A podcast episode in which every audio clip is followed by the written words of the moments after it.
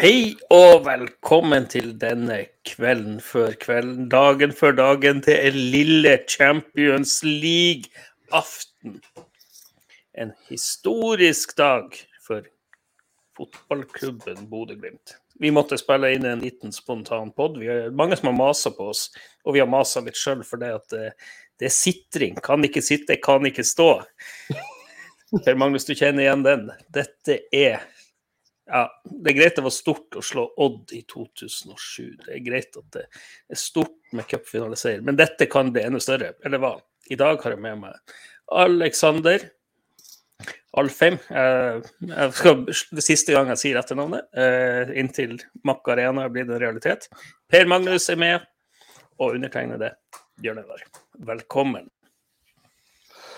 Takk for det, Bjørn Einar. Eh, Det var en veldig koselig intro. Vi skal prøve å lage litt koselig stemning her i kveld. Eh, Litt sånn Vidar Lønn Arnesen-stemning. Eh, og da har jo også da Aleksander, har du satt ribba i ovnen sånn at vi kan følge den gjennom sendinga? Sånn at vi får den gode kvelden før kvelden-stemninga?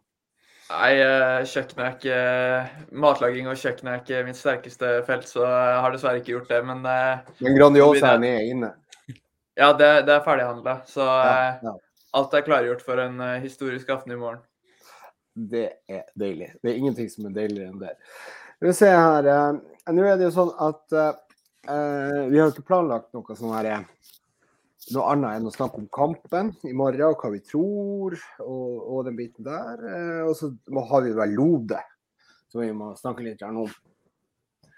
Og eh, jeg tenker jo kanskje vi skal begynne med kvelden før kvelden, eh, kampen. Skal vi gjøre det? Ja. Kampen. Vi må jo starte der.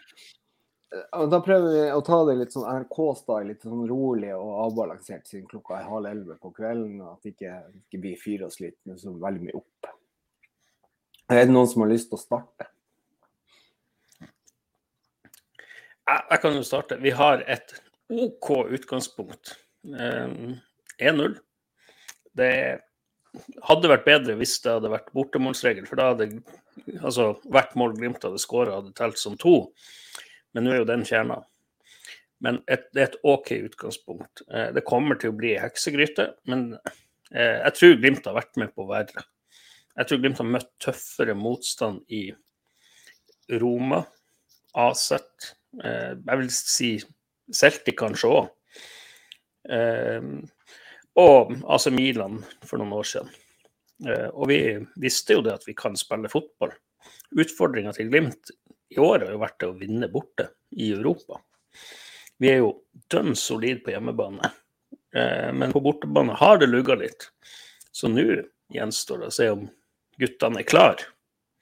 Men følelsen er god. Eh, det er som sagt, Glimt sier det, kampen er halvspilt. Eh, Ja, den er det, men vi kan ligge bakpå, ta imot litt juling og satse på kontring. Ja.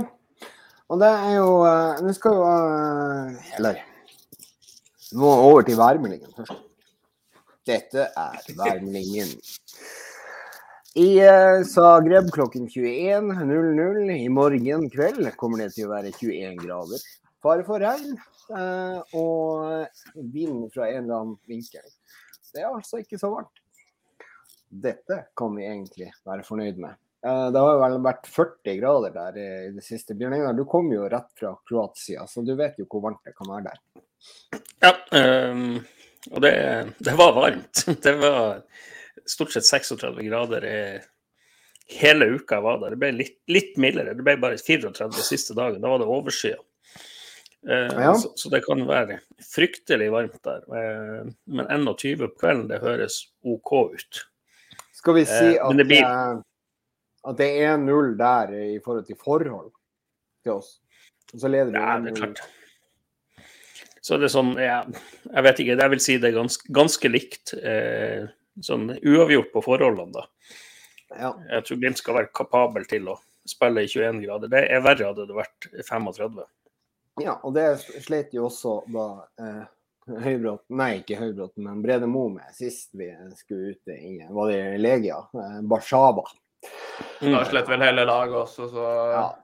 Jeg tror vi skal være fornøyd med, fornøyd med 21 grader og litt vind og regn. Ja. Altså, eh, nå har jo Vi har jo sett én kamp. Eh, og så har vi hørt litt grann, eh, fra han eh, sportsjournalisten som vi egentlig hadde lyst til å få inn i dag, men jeg fikk ikke tak i han. Så, så da har vi et utgangspunkt i forhold til det som det er sagt, og det som er spilt. Og vi kan vel egentlig være enige om at hvis du ser på Zagreb på Aspmyra, så var ikke dem verdens beste fotballag. Vi var mye bedre enn det. Man burde vunnet mer enn 1-0. Er vi enige om det? Hadde absolutt mulighetene til å vinne mer enn 1-0. og for, for, å ha best mulig utgangspunkt, og så burde man gjerne leda med, med to-tre mål. Så veldig kjipt at tegningen til Salvesen eh, ikke ikke tverrligger og så i mål, men uh, mm. tverrligger og ut. Så Nei, det Utgangspunktet er tøft, men det er det det er. Og man har nå en liten fordel med at man at man leder og spilte, spilte en god kamp hjemme. Så, så, får man se hva som møter Glimt i morgen. Ja, for det at vi, vi leder 1-0, og det er jo akkurat det som er opp. Nå er det Altså, den, eh, de rapportene vi har fått da fra uh, Zagreb sin siste, eller den kampen de spilte mot Haiduk, uh, så er jo det et lag som uh, som egentlig var dårlig i forsvar, ifølge, ifølge han journalisten fra, eh, fra Kroatia. Eh, I tillegg så lå Haiduk og pressa på hele kampen, og Zagreb, eh, Dinamo Zagreb har eh, skåra visstnok de, de målene på kontring. Og det var dårlige involveringer fra det Haiduk-laget. Hvis vi ser på Aspmyra, så lå jo også Zagreb bakpå. Men tok de ikke kontringa med vilje? Var det, var, det, var, det, var det, derfor? Altså, følte dere det? Og det var, Jeg har lyst til å spørre dere litt om hvordan dere føler at Zagreb hadde de muligheter til å ta flere kontringer enn hva de gjorde, eller klarte vi å sperre dem med et godt presspill? Jeg tror det er litt todelt. sånn Altså, når de fikk muligheten, så gikk de jo for det. Og det så man jo i slutten av kampen, hvor, eh, hvor de bomma på en gigantmulighet som eh, mm. Glimt for så vidt ga bort, uh, ga bort selv. Men uh, jeg satt med en følelse av at uh, 1-0 til Glimt var et resultat de var ganske fornøyd med. Og det gjenspeiles, det gjenspeiles jo i at de prøvde å drøye tid og ta rytmen helt ut av kampen, og det lyktes de også med. Mm. Så jeg tror de er fornøyd med, fornøyd med, resultatet, og jeg tror man kommer til å se et litt Altså, man må jo se et mer offensivt eh, Dinamo Zagreb-lag, fordi de må tross alt vinne. Men uh, jeg, sitter, jeg, sitter, med en liten følelse at de, uh, at de har noen ekstra gir som de ikke fikk vist på Aspmyra.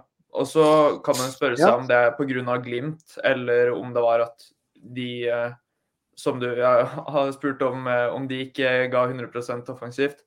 Men eh, jeg tror det var Glimt som i stor grad eh, tok energien litt ut av dem i store deler av hjemmekampen.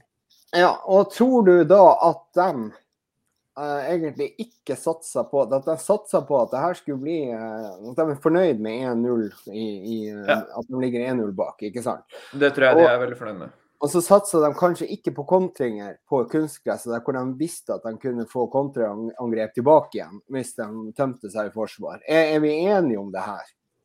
Eller tror dere at Glimt var såpass bra at ikke de klarte, uh, at ikke de klarte å ta de kontringene? At ikke det var mulighet for de kontringene? Det er akkurat det som er nøkkelen. fordi at uh, det som er, hvis, hvis, du tar de to kampene her, det vi har fått rapporter om, så er jo ikke da eh, Zagreb et, veldig, et lag som, som, ønsker å styre kamper. Det det, det blir jo litt sånn merkelig, da. Nå, og Glimt er såpass bra lag at uh, det kan være det at vi kan få oss en positiv overraskelse her. At ikke de kjører oss så hardt. At ikke de klarer å kjøre, kjøre oss så hardt. Er, er, er, dere enig i det her? Eller um, Uh, Nå kjenner jeg ikke så veldig godt til kroatisk eh, fotball, men Nei. det kjennetegnes ofte ved at de har gode individualister. Det kollektive Glimt burde kunne hamle opp mot eh, holdt på å si, de elleve vi møter. Mm. Eh, du ser at, jeg så litt her, De spilte faktisk en hjemmekamp her mot et av bunnlagene. De vant 5-2 på lørdag. Det... Ja, og da har de jo Men sant, altså, da ser man jo kvaliteten. Vet jo ikke hvordan kvalitet det var på det bunnlaget. Men de har jo spilt 1-1 mot et nyopprykka lag så, uh, i tidlig i sesongen. De har ikke spilt veldig mange kamper. De har spilt seks kamper og vunnet fem. Og. Så ja. sånn, men, men uh, det som er litt interessant når man ser det, det de slipper inn de skårer en del mål, men de slipper også inn mål. Um, ja. Så det, det, er litt sånn Det skal være mulig um, for Glimt å skåre, og det tror jeg er en av nøkkelen. Vi må skåre for å gå videre. Uh, det kan godt hende vi slipper inn, men, men uh, det er et lag med noen uh, noen gode individualister. Det syns jeg vi så litt tendensene til. Når man, når vi, eller i det første oppgjøret. Vi har han mm. der Orsic, han, er, han har mange landskamper. I Kroatia hang det veldig mye sånn fake Kroatia-landslagsdrakter med hans navn. Det var Hanna Modric som var stor nede i, nede i brakk.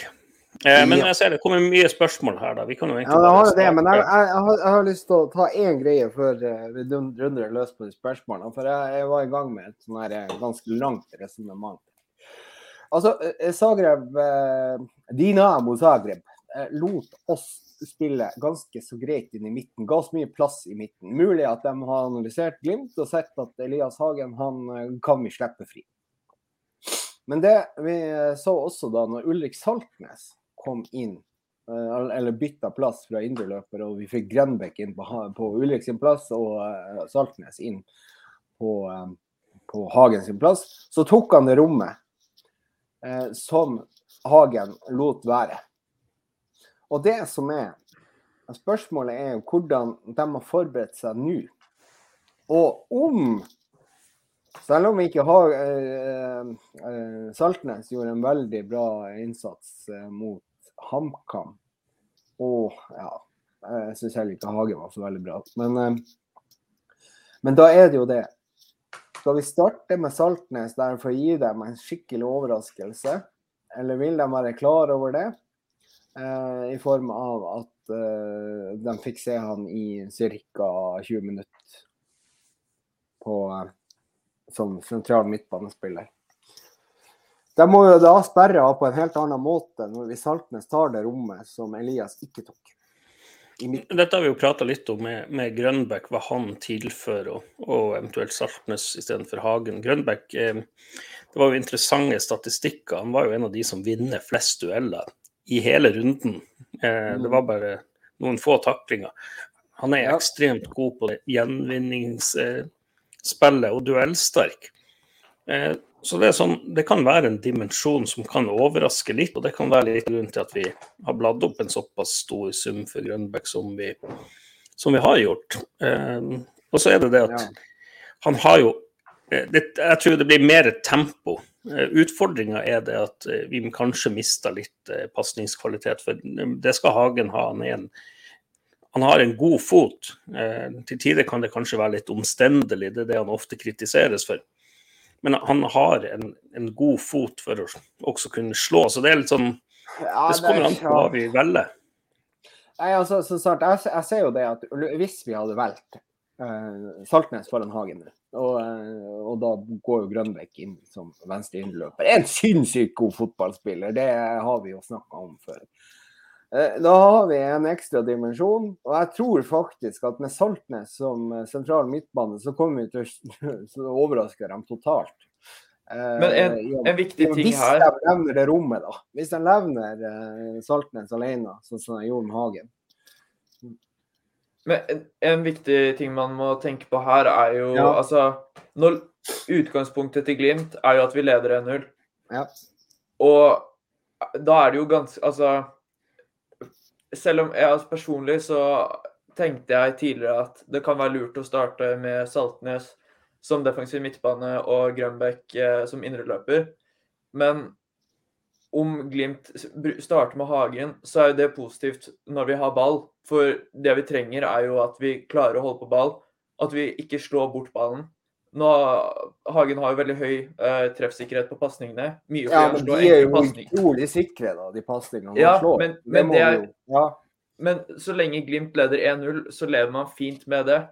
ja, leder man, ja, OK. Ja, starter, man, starter man med Grønbæk og Saltnes, så spill, Altså, hvis man da har Altså, det, det er bedre hvis man slipper inn og kunne bytte inn på Grønbæk, fordi da trenger man scoring, enn hvis man starter med Grønbæk. For hvis de løper seg tomme, så får man inn en mer defensivt orientert spiller i Elias Hagen. Altså Hvis man tenker på ulike scenarioer, så vil jeg heller kunne bytte inn på Grønbæk på potensielt 1-1 når Glimt må jakte scoring, enn Hagen. Og med Hagen så tror jeg det er mer større sannsynlighet for at man kan ligge og holde på en eh, ja, 1-0-ledelse, som man har fra før. Ja, det er et interessant eh, Nei, aspekt. altså- Eh, jeg følger resonnementet. Det, det gjør Det jeg, og det, jeg ser den. Jeg, Jeg vil jo tro at Sag, Dynamo Zagreb vil ikke tro at Glimt kommer til å angripe fra start av. Eh, jeg tror de eh, kommer til å bli veldig overraska hvis de gjør det. Eh, det blir jo ikke vi. Vi blir jo ikke overraska om Glimt kommer til å spille ball og, eh, og angripe. Så spørsmålet om vi klarer det. Hvis vi tar en tidlig ledelse, da. La oss si det sånn. Eh, jeg er enig med deg kanskje i den sikkerheten til, eh, til Hagen, at han spiller mer safe. Eh, men jeg tror vi kommer til å overraske veldig offensivt hvis vi hadde kjørt på med Hagen der, og dem levner eventuelt Saltnes alene på midten. For han er bedre å ta de rommene. Han er bedre å, ta, å, å gjøre, gjøre de offensive valgene, som eh, er kanskje litt mer risky valg, enn hva Hagen gjør. Eh, og så er det jo den defensive sikkerheten som den kanskje går utover når du tar eh, kanskje litt mer eh, tøffere valg enn hva Hagen ville ha gjort. Så det der er jo en avveining som, som du må gjøre. Og så er jeg jo litt enig med det. Det var en som skrev her at eh, eh, Knutsen er trygg på elveren, og han eh, Men så er det jo det at OK, vi har en spiller som er i verdensklasse, som skal sitte på benken da, og han heter Albert Grønbekk. Vi får se. Eh, Jeg tror vi skal ta noen av spørsmålene. I verdensklasse til og med. Jeg tror vi skal ta det. Eh, Audun Bensen skriver her. Poengtap, poengtap mot HamKam er kanskje et godt tegn. Det viste spillerne at man må være til stede og være på plass. Eh, Og ja, det tror jeg så absolutt. Jeg tror kanskje det var noen av spillerne som var litt bekymra, ikke pådra seg en skade. Tok litt lett på det. Og det er som vi har sagt, det er forskjell på å være 95 påskudd og det å være 100% Ja. Eh, Så Jakob skriver når tid sist var det Glimt la seg bakpå og tok imot juling. Nei, det har vel eh, knapt nok skjedd. Men jeg syns mot Jo da, det har Eh, skjedd. Det har skjedd i Roma. ja, men- da var vi ikke ja, klar. men- Og Nei, periodevis jeg- mot Alkmaar òg, men det har, Ja. det har aldri vært en hel kamp. Det har aldri vært innstillingen til Glimt å gå ut og skulle ligge og ta imot. Og det får vi ikke se i morgen heller. Nei, men ikke sant, men det at det går an å spille klokt. Du må ikke på død og liv eh, mæle ballen opp. Du kan liksom ligge der og ta de kontringene. Og det er et litt interessant aspekt, for et av svakhetene til Dynamo, venstrebacken Deres med venstreback, han var jo helt horribel. Hvis han spiller, og spiller like dårlig som han gjorde på Aspmyra, så kommer vi til å skape mye på den høyresida med Muka og Vettelsen. For Vettelsen starta, det er nå helt sikkert. Ja, det er helt sikkert. Og da er det jo egentlig bare å håper at Muka har dagen. eh, Og tør å utfordres som F. Og bare snakke litt med mannsverk i kveld. Og jeg håper han har gjort det hele uka. Så, eh, så tror jeg det går bra. Men uh, der er Jakob uh, Kalvik Skog. Han sier at jeg er for negativt i Hagen. OK, gratulerer. Du har funnet ut det, du òg. hvis jeg skal si min mening om Hagen, så er han Glimts mest begrensa spiller. Og det eh, mener jeg 100 Eh, Og så er det jo da eventuelt formgrunnlaget til Samsted som gir han konkurranse. Eh, Der vil jeg være litt, litt enig, fordi det, det Hagen kan være god på det å, Ja, men sånn hvem som er dårlig enn Hagen da eh, i startelveren? Nei, men altså, ha, Hagen er vi god fotballspiller. på det. Ja, altså, vi Hagen, Nei, men jeg jeg bare ikke det, det er ingen som har reagert på nivået til Hagen eh, da vi slo ut Celtic, Alkmaar, Og Det begynner å bli lenge siden, Alex. Ja, ja, men ha- han har vist at han er mer enn god nok når vi har spilt eh, tøffe kamper i Europa. Så har han ikke sett Han har ikke spesielt bra ut i steg. Eliteserien. Ikke ikke et steg. Han har heller tatt steg tilbake. Det er altså helt Han var på en formtopp, muligens mot Celtic. Herregud og fader, det var dårlig før. Spilte treningskampen mot AGF. Å gud og fader. Da hadde du en som, som spilte over han, og han heter Albert Grønbæk på AGF. Og han er Glimt-spiller nå. Ja. yes. eh, Ser Audun skriver videre her at vi eh, har også flashback til 2007. Leder vi 2-1 til pause for jeg trua. Altså at eh, vi kan godt lede 1-0, for det, det er 2-0, så. ja. Bare ta opp de spørsmålene som dere stiller, så jeg får lese dem. For det, det, det er fint for meg. Det vet jeg hvordan jeg gjør. Dere har blitt så avansert. Apropos gammel, det er som, hvis det er noen som skal tippe hvordan drakta jeg har på meg, så kan dere få lov å gjøre det. Eh, Ikke vis logo nå. Logoen står ikke noe på. Og så kan dere få se det der. Det er ikke noe logo. Der står det Det står bare at vi er født i 1916. Det er ikke noe mer. Ja, da er OK, kjør på. Yes, um, hvordan får man opp de spørsmålene? Det må kanskje du gjøre, PM. Du må bare trykke. Tryk, trykke på det. Ja, men jeg har sånn Mac, jeg forstår jo ikke det. det er jo... Mac. Ja, hva OK. Det står 'slå opp' i ordboka. Ja, eh, yes. Eh, det Jan Erik Barthe skriver. Hagen ble beskrevet som en fullgod erstatter for Patrick Berg. Hagen hadde et bedre offensivt repertoar.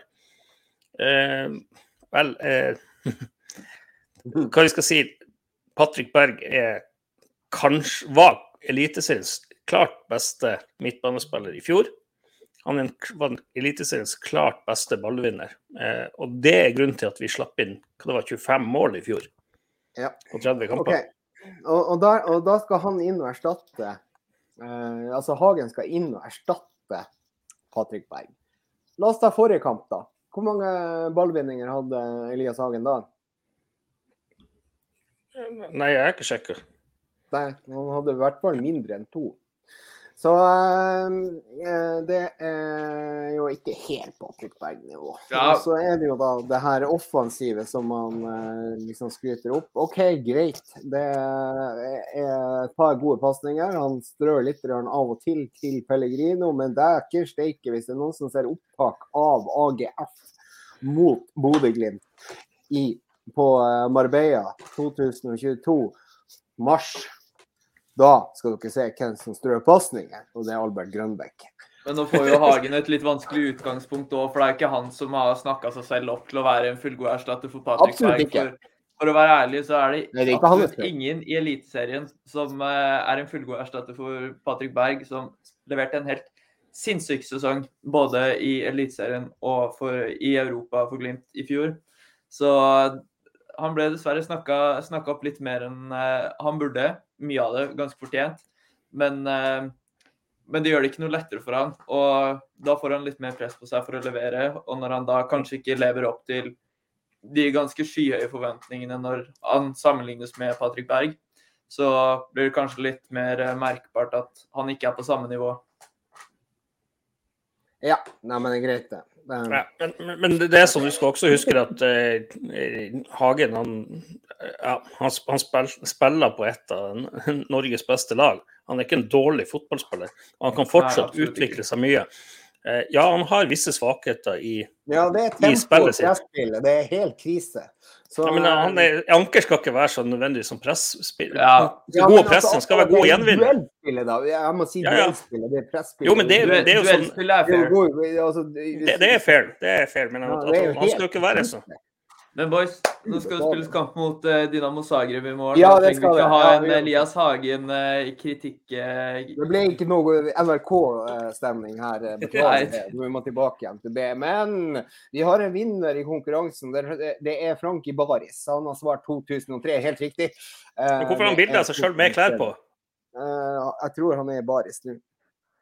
Jeg- jeg Ja, nå, ja, men han har bilde. Men han må bytte profilbilde. Ja, han må bytte. Det er faktisk fra, det er fra Spania. Eh, da vi spilte kamp mot Roma.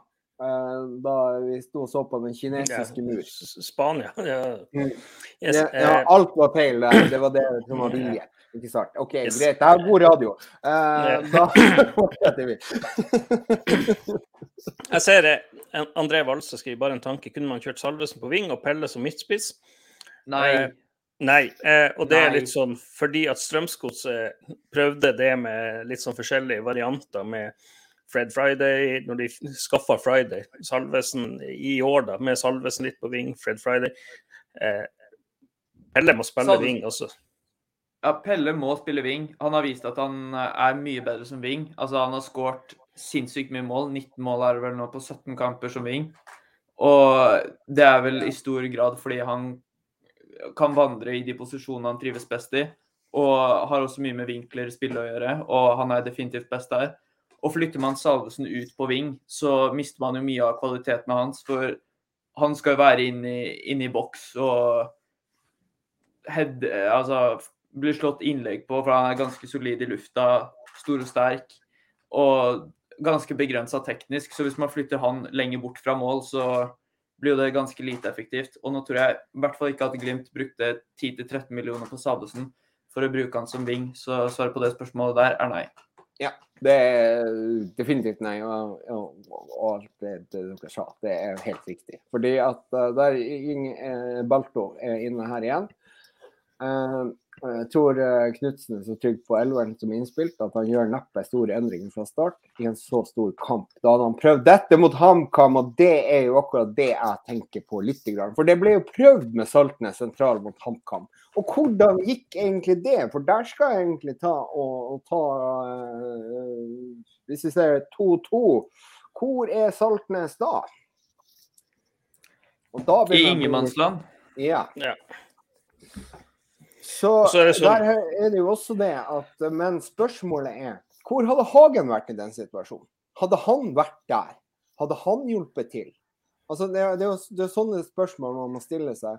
I Nå virka jo hele laget ganske avskrudd i begge, begge Ja. baklengsmålene, så å begynne å ta, ta, å ta Saltnes på skåringa føler jeg blir feil, for det, det gjøres masse feil i forkant. Ja. Og det defensive arbeidet på den corneren var som ikke presser godt nok. Eh, Så, så det er jo en, eh, en greie der. Men der har du en greie som, som, eh, som kanskje kan være eh, et negativt tegn med, med, med Saltnes som eh, sentral midtbane. At han er ikke helt eh, akkurat der heller.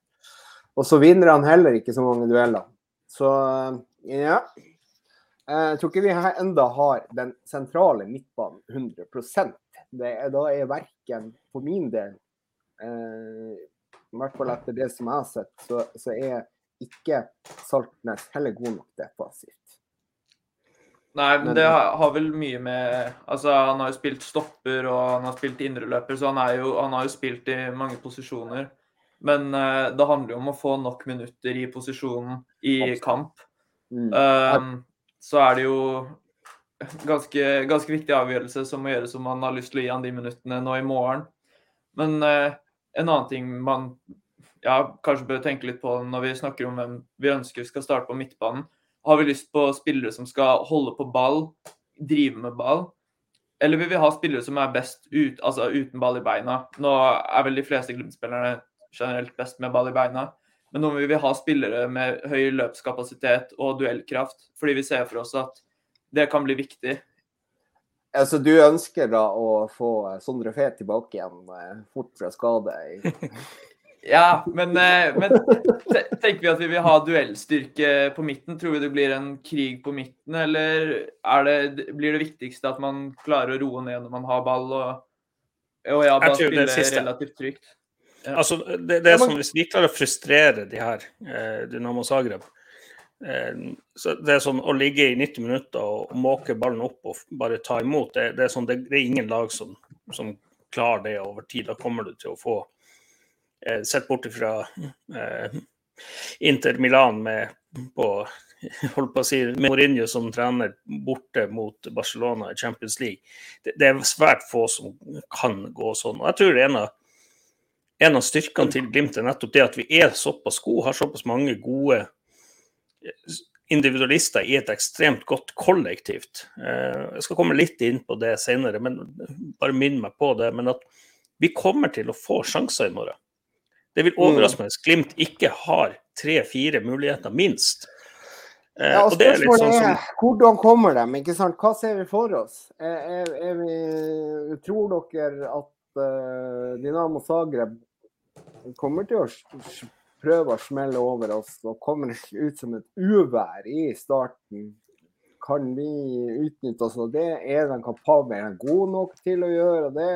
Altså, sånn, har, vi har Altså- bare ett, to grunnlag å, å, å gå tilbake på her, og det er den Haiduk og så og, Ja, vi har ikke sett, jeg, jeg har jo sett de, men, men for, for å si det sånn, så hvis jeg hadde vært eh, jobba som å analysere motstandere, jobba der for Dynamo, så ville jeg sett på kampen, kampene mot Asat og mot Roma eh, i Roma. Den vi ryker ut på hodet og ræv ut da, eh, der vi taper 4-0. og der er det sånn men, men jeg tror jo ikke de har en, en spiss av holdt på å si Tammy Abrams sitt kaliber. Jeg tror ikke de har den løpsstyrken. Så, de kan jo gjerne prøve på det, men, men eh, jeg tror nok de kommer til å få se et mer offensivt eh, lag enn det vi gjorde. Det, Det, det, det må de jo, ikke sant? Altså det, det vet vi vel, at de må prøve å være mer offensive. Men spørsmålet er de er de kapable til det.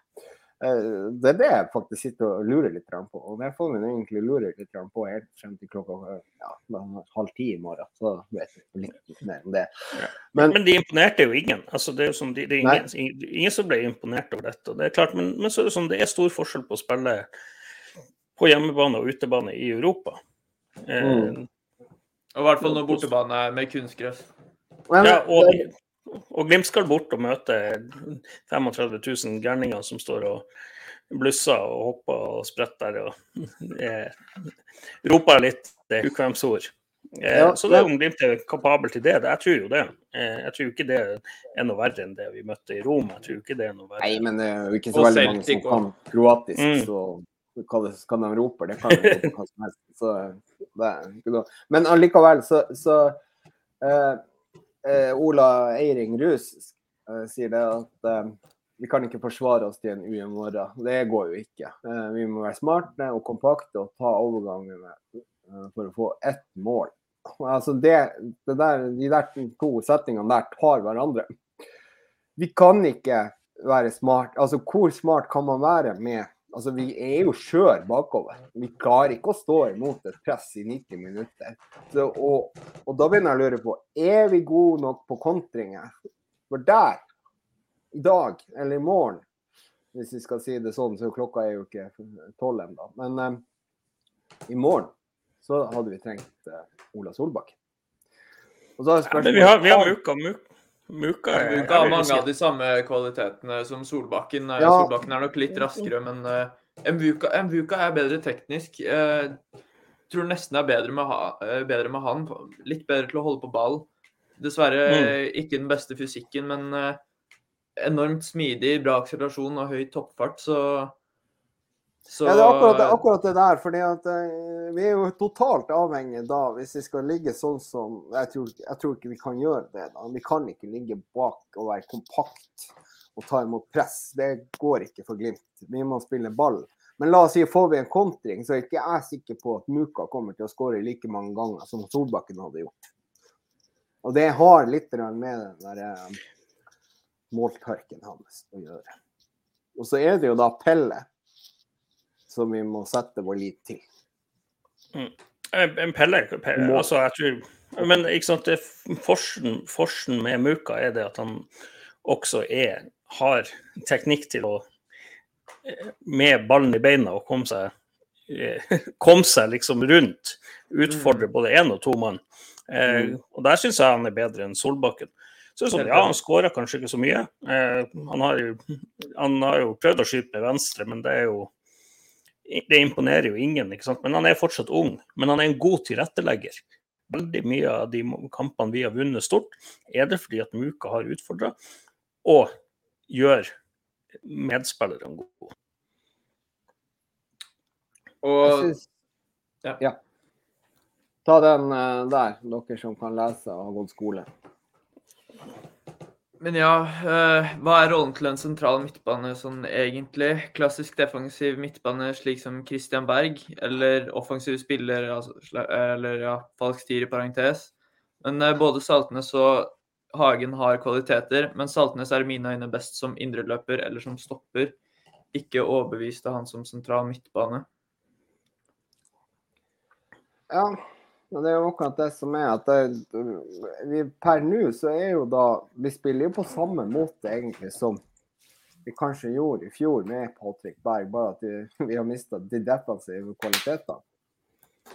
Altså, Noe av de. Hæ? Noe av de. Altså, Ja. det er sånn, du mister det den holdt på å si, terrieregenskapene til Patrick Berg. Er ekstremt rask på de første meterne. Ekstremt god til å være i beina på motstander og hindre Ja, og gjenvinningsspillet, ikke sant. At han Jo, var jo ekstremt god der. Han var jo ekstremt god der. Og det er jo verken Saltnes eller eh, Eller uh, eh, Herregud. Hagen. Hagen. Hagen. Men allikevel så er det jo det. Altså, så sant Når jeg sitter og ser ikke sant, jeg Nå refererer jeg veldig mye til den AGF-kampen som jeg så. Eh, Men der har du jo kvalitetene i, eh, eh, i Albert Grønbæk. Så du skal ikke se bort ifra at Grønbæk er sentral midtbanespiller i sesongen 2023. Ja, ja. Nå, nå har vi hørt det. Jeg tror alle har fått det med seg at, Nei da, at, at du, du hører Grønberg som en stor stjerne. Men har en treningskamp noen gang vært viktigere enn den mellom Glimt og AGF? Nei, aldri. Nei. Det var slag om Norden. Ja. Det var slag om eh, Norden. Jeg får ikke til å legge det der inn. du må sikkert være sånn admin eller noe sånt. Men eh, hva tenker Alexander om å prøve Hugo Vetlesen på stopper i morgen? Skriv Ja. Erik Ribermoen. Det er blasfemi. Og eh, det prater vi ikke om her. Og eh, ja, Bris skal heller ikke få sjansen på frispark i morgen, for det Da. Det, det, det kan Det er fantastisk. Jeg, det jeg liker det. Jeg, jeg liker litt sånn Her- er, er er mye gode tanker her. Det er mye bra. Mye bra. Eh, jeg Mye liker det. rart. Yes. Men uh, eh, det er jo spørsmål til deg, eh, PM. PM, spørsmål Ja. til deg fra Audun. Husker du Thomas Rønning? Ja, det gjør jeg. Ja. Ja, det var Skal vi snakke noe mer om Thomas Rønning? Nei, jeg tror ikke det. Eh, Jeski Mælen Nyhagen skriver Zagreb har Misic ute med suspensjon. En viktig brikke borte der allerede før kampen mot Dynamo. Eh, Må gjerne sånn, skal- pådra, pådra seg noen røde kort uh, tidlig i kampen. Det, det takker vi ikke nei til. og, og det tror jeg gjerne er Muka som kan pådra de. Eh, Ja. Altså Muka gjennom der. Og vi har en dommer eh. Med ekstremt god erfaring i han Laos. Spanjol. Han er glad i å dele ut røde kort. Det flagrer kort. Ja, det skal ikke se bort ifra at det blir i hvert fall fem, seks, syv gule kort i morgen. Så får bare satse på at de fleste går til eh, Dinamo Zagreb og ikke Glimt. Ja. Det, Ja. det, det sånn, det kommer til å bli kort i morgen. Det, det er bare å spille på de som spiller. Jeg er ikke noe, noe ivrig spiller, eh, men, men flere enn fem gule, det tror jeg tror det er lav odds med Laos som dommer. Er For øvrig en god dommer. Eh, internasjonal toppdommer. internasjonal toppdommer. Det var kanskje den største stjerna på banen uansett. Eh, så hvis du spør han, han dommereksperten i Nordic Bet. Det, Ja, men det er et par hakk opp fra Rohit Saggi, for å si det mildt. Sies det. Skal vi se hva vi sier i morgen. Nei da, det tror jeg. Det skal ikke så mye til. Nei, det skal ingenting til. for. Nei. Eh, men uh, ellers, da. Altså, OK. Hva, hvis vi tar oppsummering, hva, hva slags kamp ser vi, ser vi for oss i morgen? Da kan du begynne, Alex. Du skal, eh, du skal se. Hvordan kommer Glimt ut, og hvordan kommer det her til å gå? Nei, skal jeg tippe, så er nok, eh, kommer nok ikke Glimt til å ha ballen mest de første ti minuttene. Men man har jo sett både mot Altså, Roma-kampen eh, tenker jeg ikke så mye over, for det var så mange rare omstendigheter der eh, som gjorde at den, den ble som den ble. Men eh, både mot Alkmaar og, og Celtic så, så følte jeg Altså, når de kom i gang Eller de prøvde hele tiden å spille sitt spill, og uansett om de ble pressa, så fikk de til slutt til sitt spill. Så jeg tipper vi får se at eh, Dinamo Zagreb går ut for, uh, hardt i første ti, og at man ser Glimt uh, ta gradvis over kampen etter hvert. Og at de, de tar de kontringsmulighetene de får, men generelt bare prøver å be, bearbeide Zagreb og, og holde ballen i laget. Så avhenger jo veldig mye av hvem som får den første skåringen, men eh, så langt eh, klarer jeg ikke å se. Så, men jeg, jeg tror man får se et Glimt-lag som er til å kjenne igjen, for det har man sett uansett motstand i Europa tidligere. Og det føler jeg meg trygg på at vi får se i morgen òg. Så du, du er på Arne Skeie, mål preger kamper. Ja, men ok, det- da kan Så selvfølgelig heter det Nei. Og da kan du, kan du avslutte med resultattips, Alex. Det har vært ganske målrike kamper eh, mellom eh, Zagreb og andre motstandere i hjemlig liga. Tipper eh, 2-1 til Glimt. 1-2. Vi, har hadde tatt den. Vi hadde tatt den Ja, den- den lett. Oi, det er ikke Champions League. Jeg, klarer, ikke å sette meg inn i den situasjonen. OK, greit, men uh, veldig bra. Det begynner å gå inn på meg nå at det er snart julaften. Herregud. Ja, OK. Ja. Bjørn Einar. Ja. Um, jeg tror jo det at vi Som jeg sier, det er en helt åpen kamp. Altså det er, for Zagreb handler det om én ting. Det er å vinne med 2-0 eller, eller to mål eller mer. Og det, det er så enkelt det er utgangspunktet. Ja, de har hjemmebanefordel. Ja, de har publikum i ryggen. Ja, det vil være piping på dommeren, men det er nå også VAR her. Internasjonale toppdommere som ikke har lyst til å gjøre feil. Så jeg tror, vi, jeg tror vi skal trygge på det at eh, vi ikke får noe sånne Svein Oddvar Moen på Lerkendal-avgjørelser, eller eh, sånne avgjørelser sånn som eh, Vålerenga fikk, sånn Strandberg-målet. Så, og det er jo en veldig stor fordel. Eh, uten at jeg er noen stor VAR-tilhenger, så er det sånn at det er i hvert fall en trygghet i det for Glimt at vi har VAR, og en god dommer. Eh, og så er det litt sånn Ja, jeg tror Glimt kommer til å gå ut og være Glimt. Eh, men vi må samtidig ikke være naiv. Vi må ikke være liksom, Vi må også kunne lese kampen, tror jeg. Og jeg så det var noen som hadde skrevet her at Pelle håpa at det var elleve drittsekker som, gule drittsekker som møttes mønstra i går, eller noe sånt. Eh, ja, eh, og det tror jeg er også viktig. det er også sånn at nå håper jeg Glimt også har lært at man må også ta noen professional folds hvis det kreves. Man må av og til være litt sånn hale ut tida, få en liten strekk, ikke sant. Sånn, eller du må tøye og bøye litt hvis vi leder. Eh, Et lite er- gult, gult kort på haiken eh, etter hvert. Ja, ja, ja, ikke sant. Og det, det er jo sånn det, det står skrevet i stjernene hvis vi, vi, vi Det er 0-0, sier det er jo 85 minutter, så må haiken bare begynne å Ja, ja. tøye og bøye, og man må liksom gjøre noe sånn ordentlig drittsekkfære liksom for å, for å gjøre det. Stoppe ramma ned og tøye og bøye. Og det, det liksom, Er det 2-0 til Zagreb og de har én mann utvist, så kommer de til å holde på sånn ekstremt mye. Så det er sånn, vi må bare være drittsekker. Vi må også Mm. vise nå at vi kan håndtere det og spille på dette nivået. Og så tror jeg det handler om å også ta mulighetene. Eh, og det er ekstremt viktig. Ta de mulighetene som kommer. Og jeg håper at vi får se at Pelle fortsatt kan fortsette den gode målskårersnittet. For han leverer enormt eh, sammen med laget når laget er i form. Eh, og ja, HamKam var kanskje et feilskjær, kanskje det var en vekker. Og så vet vi jo hva det sier. En dårlig generalprøve gir en god premiere. Så vi får si det at dette er premieren. Så mitt resultattips 1-3. Oi! OK. Ja. eh, Nå er det jo da at eh, bortebanen i, bortebane i Europa har jo vært en ikke så veldig lys historie for Glimt. Vi har vunnet mot Celtic borte og Valur eh, borte. Så har det vært en del uavgjort resultater. Eh, og det lever vi godt med. det lever vi veldig godt med. Så vi trenger jo ikke å vinne. Men likevel så må vi skåre mål. Jeg er 100% sikker på. At vi må skåre mål. Og vi kommer til å skåre mål, det er jeg også sikker på.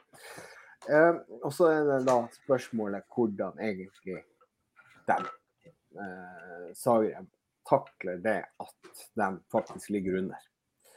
Eh, og da Altså, jeg tenker jo det at hvis vi kjører Saltnes sentralt i midten og satser litt offensivt, så kan vi vinne på det.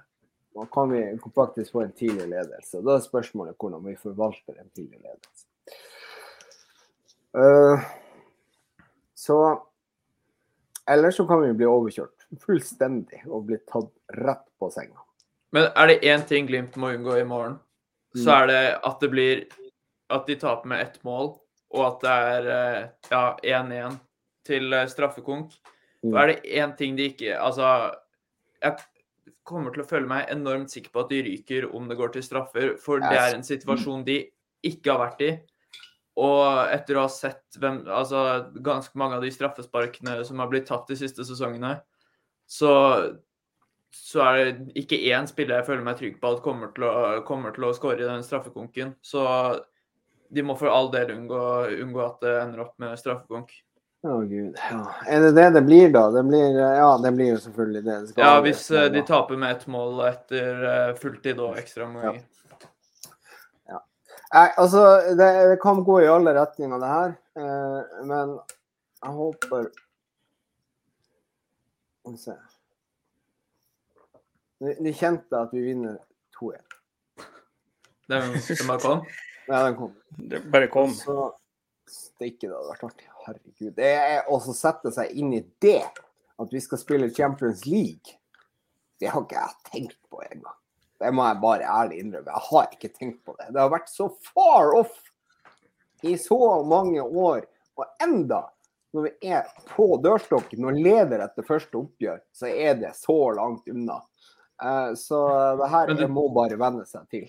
Du tenkte ikke på dette opprykket i 2017? Du gikk ikke Det var rundt akkurat det jeg tenkte. ikke, ikke til Lillestrøm borte i 2018 heller, liksom. Nei, jeg gjorde ikke det. det, det, det. da, Runa kledde seg ut som nedrykksspøkelse og ja. Nei, men det var, det, det, det var ikke så mye tanker om det, og fortsatt så er det ganske fjernt for meg.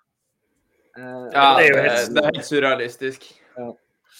Det er, jo- det er jo rimelig sinnssykt, men uansett hvordan man snur og vender på det. eh, Det er sånn vi, vi har, eh, har en sånn pole position til Champions League. Ja. Nei, Fredrik, jeg- burde ikke få noe taletid å forholde meg til. Yeah. Uh, nei, men uh, han er vant til å, eh, å bare ha Han er jo prest, uh, Fredrik. Og, eh, og da er han jo vant til å ha aleneshow. Så han er jo vant til å prate sjøl. Kanskje vi må ta og invitere han i poden eh, en gang, og la han fortelle om sitt eh, virke på Evenskjær i, eh, som, som prest.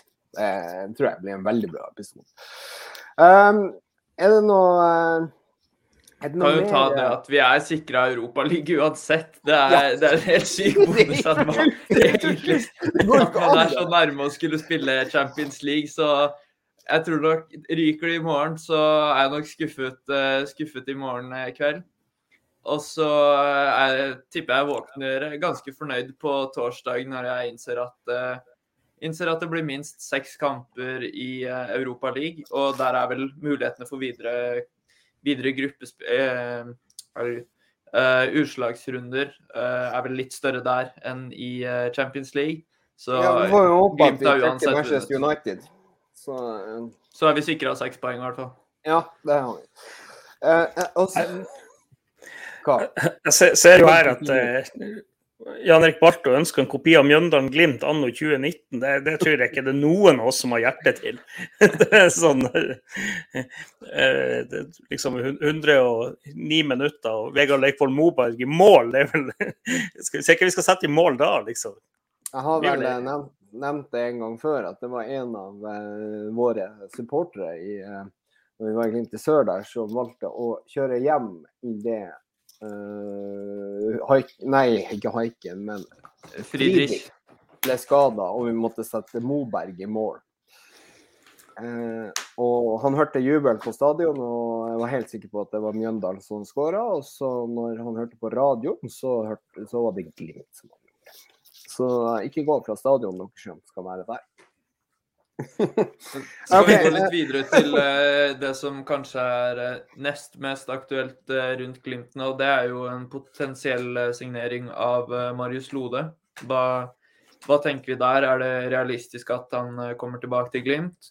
Tror vi at han eh, drar til utlandet, eller tror vi kanskje at han ender opp i Molde, som det var eh, en, i hvert fall én artikkel, eh, en artikkel om? Her er jo mye å ta tak i, da. Jeg kan, jeg kan starte der.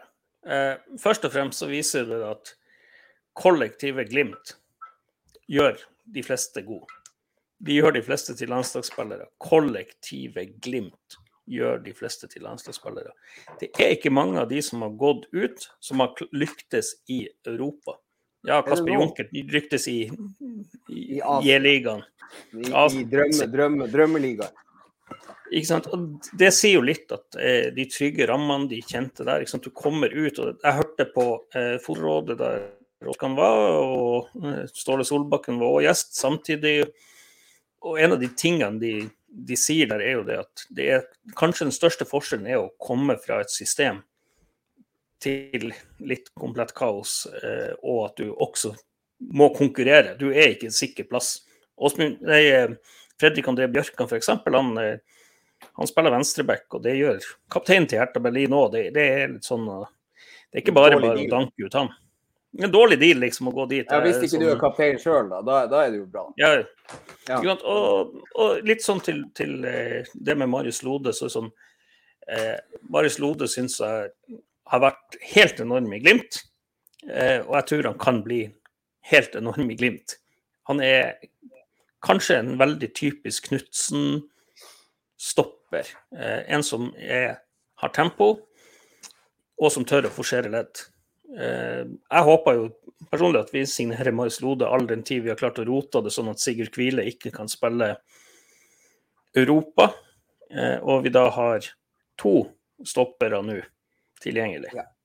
Det er altså det viktigste her. Eh, akkurat det som du sa på slutten. Vi har ikke noen flere stoppere enn akkurat det. For Seri Larsen han har vært skada ennå, og, og Kvile kan ikke spille. Så det, det, det der er jo nøkkelen sånn sett. Men spørsmålet er jo da vil Marius spille fast, og skal han gå istedenfor Høybråten, eller skal han gå istedenfor Amundsen? Og så hva skjer når Brede Moe er tilbake igjen? Men Brede Moe er, altså, han er litt vanskelig å forholde seg til. For det, det er veldig ofte småskader med han at han er ute et par kamper med en liten kjenning, eh, kjenning og små problemer. Så det er veldig vanskelig å vite i hvor stor grad man kan regne med han. Det var jo veldig greit i eh, 2020-sesongen, både for han og Lode egentlig. For der kunne de jo gå av etter, eh, etter 60 minutter, for da leda man, leder man ofte med fire til seks mål. Mm. Eh, Så var han jo ganske solid i fjor og spilte stort sett alt, men det har ikke vært sånn i år. Uh, Seri Larsen har også slitt en del med skader og har ikke imponert veldig når han har kommet inn. Er, så eh, om, om Lode kommer tilbake, så kan jeg fort se for meg at han kanskje starter som et tredjevalg.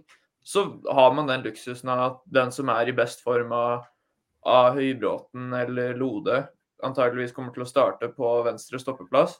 Ja. Og så kan han sikkert klare seg godt på høyre stoppeplass òg. Og potensielt høyre bekk om, om det er nødvendig òg. For det er jo ikke Altså, vi har jo ikke flust av bekker som er gode nok. Og Lode er nok en mer enn habil uh, høyre bekk. Så alt som er bra for, uh, for bredden i stallen, er jeg positiv til å ta inn. Og Lode har vært der før, han vet hva han kommer tilbake til og hva som kreves. Og da, da er jeg veldig positiv til en signering av han. Og så er han bare 29 år. Det å føler jeg er litt viktig, at det ikke er sånn som med Skjelbred og Tetti som ble henta tilbake til RBK eh, når de var over eh, 40. over 40. Så Lode har flere gode år igjen av karrieren. Så, så jeg føler meg trygg på at om han kommer tilbake, så holder han nivået i hvert fall eh, tre-fire sesonger til. Bare, bare et lite, bare et. Bare et lite innspill. Eh, en som stort sett figurerte i landslagstroppen det siste året før han dro, vil dere si et tredjevalg i Glimt? Det, det, er jo en ganske syk ting dere sitter og sier. Her er et par aspekter. Her, her, her, er et par aspekter. Det, det er ikke sykt. Jeg tror egentlig ikke det. OK, greit. Lode er en av Knutsen sin mest betrodde menn. Det er jo også Brede Mo. Og i tillegg så er det jo det at Isak, han er ung. Han kommer til å variere prestasjonene. Det så du egentlig litt mot, mot uh, HamKam. At vi kan ikke regne med at han spiller som Baresi hver eneste kamp. Så det handler litt om at, uh, at uh, Amundsen trenger litt tid.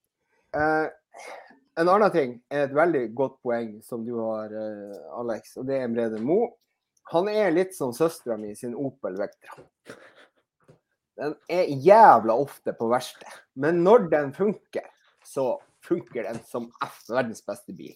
Men uh, Ja, nå er den faktisk vraka. Men OK. uh, men, men, Og det er ikke Brede Mo? nei, Brede Mo er ikke vraka. Det, det er han ikke.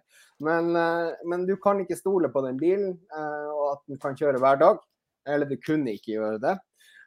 Så, så, der er det jo viktig også å ha inne en kvalitetsstopper, eh, som Bjørn Energi, landslaget, har den eh, tilliten hos Kjetil Knutsen. Ikke minst så er han veldig bra for miljøet i Glimt. Han er en av de som har vært gjennom hele den prosessen her og kan tilføre ekstremt mye kultur i den gruppa. Og det tror jeg egentlig ikke vi skal kimse bort den heller. Så akkurat ba, altså Det er bare oppsida med å signere Marius Lode. Vær så snill, kom hjem. Og det pisset som står i RB-nett, altså Moldes avis, eh, Romsdals Budstikke. Romsdals Budstikke. Eh, det er, det er, en overskrift der hvor det står Hva det sto i overskrifta? Molde forhandler om landslagsspiller. Ja. Det er bare piss. De forandrer ikke en dritt. De har vært i kontakt med, med agenten til Marius Lode. Eh, det, er, det, er, det som har skjedd. Marius Lode kommer aldri til å gå til Molde. Og hvis han gjør det, så det skjer ikke. Eh, og en, en, annen ting vi kan si, er at velger han Glimt, så er det ikke pengene som er motivasjonen. Da er han spillesugen, han har lyst til å spille på et høyt nivå og, og vil til eh, Glimt for å bidra. Ja, og, og, i tillegg så har han jo klart å være smart og og, eh, og fikk seg en liten fallskjerm eh, hos eh, Schalke 04. Og dermed så er jo sikkert den oppussinga av leiligheter osv. finansiert ganske greit. Men så er det jo det. Hva skal han ha i lønn? Og det får ikke vi vite. Men vi kan jo spekulere. Nei, og det er jo litt sånn, eh, Jeg tror Lode er litt i en sånn situasjon der han enten må velge det økonomiske eller det sportslige. Eh, og det, det er jo en ganske sånn eh, ja, Det er jo kanskje et vanskelig valg å ta når du er fotballspiller. Du har jo ikke så mange år. Så spørsmålet er hva han velger. Europaliga med Glimt, potensielt seriemesterskap, eller et eventyr i MLS eller noe sånt.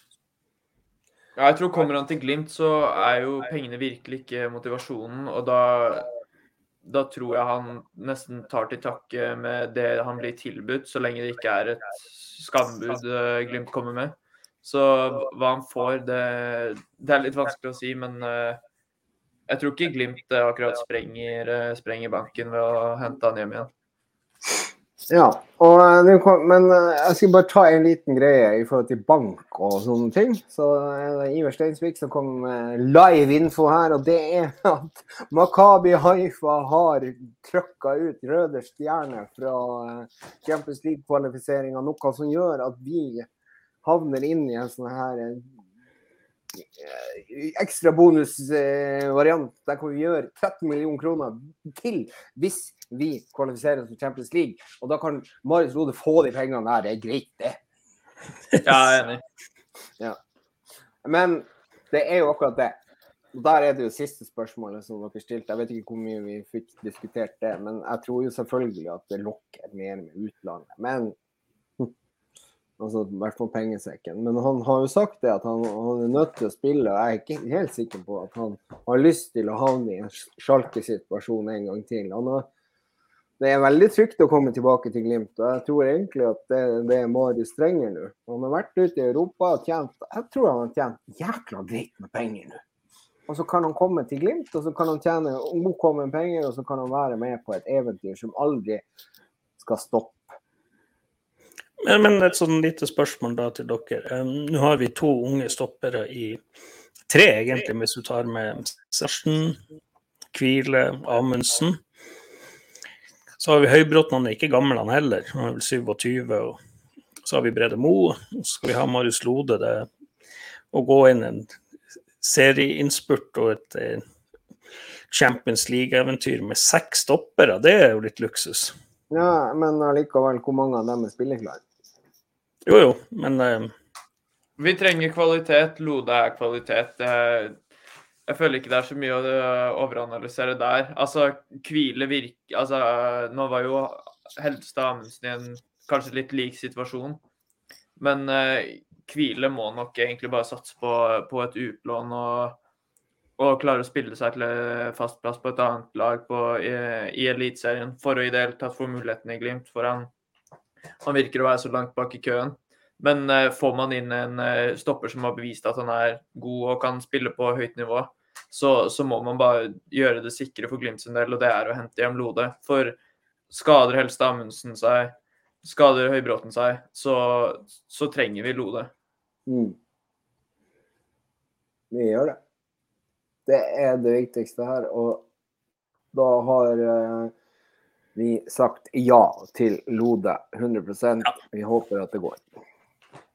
det gjør vi. Um, ja. Ja, da var vi egentlig Er det noe mer som eh, skjer i, i kommentarfeltet?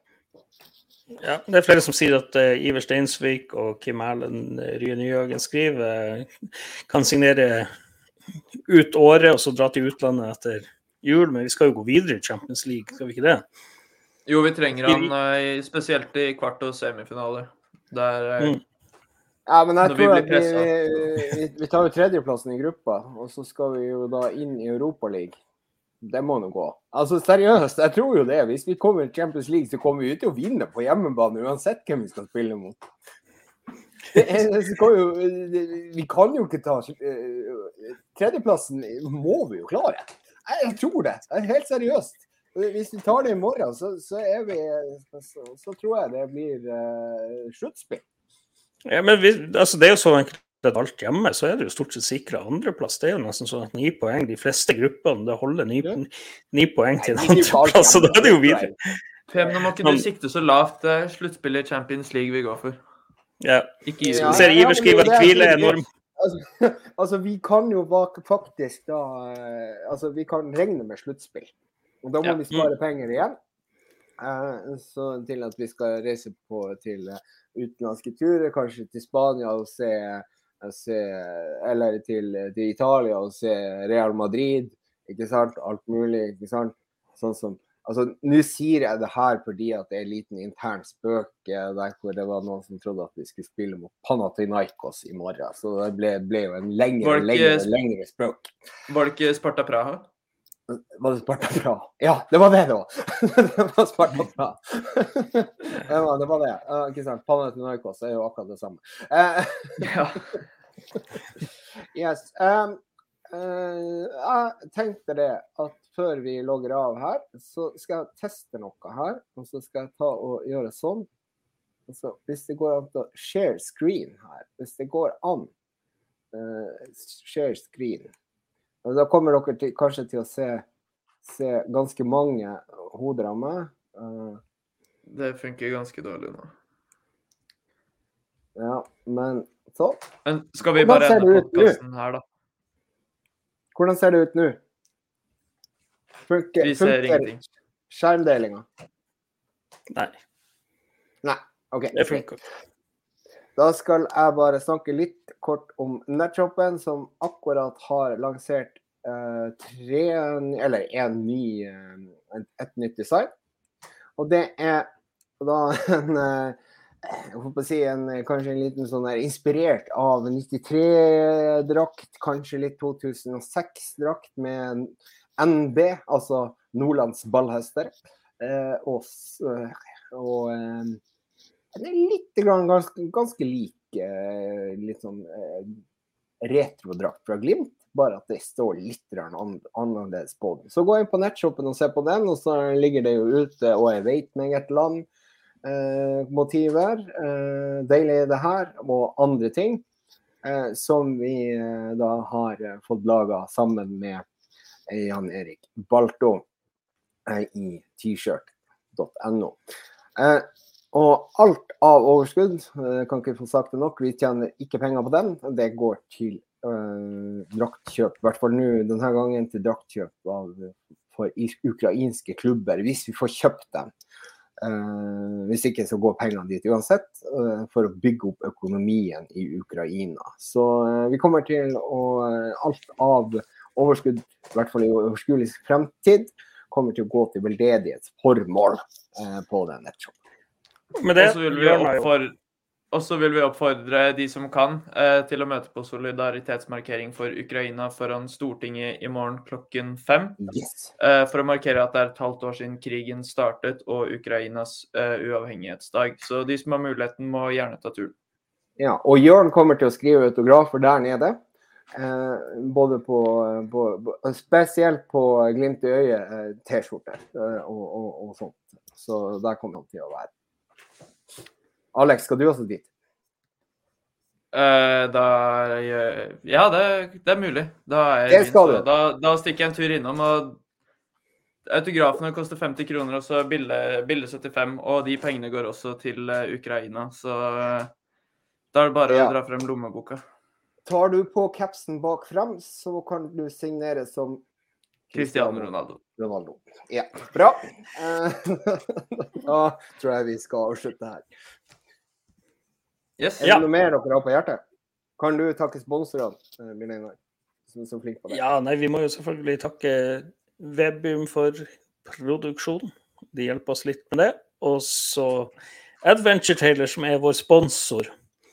Eh, og med det så tror jeg vi skal avslutte her. Og for å si det sånn, nå begynner vi å kjenne på det denne tida i morgen. Så Ah, vet vi hvor vi skal spille. Blir det Champions League eller blir det Champions League? Så vi kommer helt sikkert tilbake i morgen, tror jeg. Jeg tror vi kommer tilbake i morgen. Spørs om vi er i stand til det. Senest torsdag. Senest torsdag. Se- Senest torsdag. Nei, jeg, jeg jeg syns vi skal podde i morgen natt. Jeg, synes, Ja. jeg, jeg klarer ikke å sove etter noe sånt uansett. Nei, det, jeg tror ikke heller det. Så med det, eh, på gjensyn og Vi- gjenhør. Vent vent- vent litt, vent litt. Skal vi avtale det hvis vi går videre? Skal vi gjøre noe spesielt i morgen? Skal vi gjøre noe? Skal vi skal Det finner vi ut vi i løpet av kvelden. Ja, ok. Ja. Ja. ja, men eh, Dæven, det er deilig det her.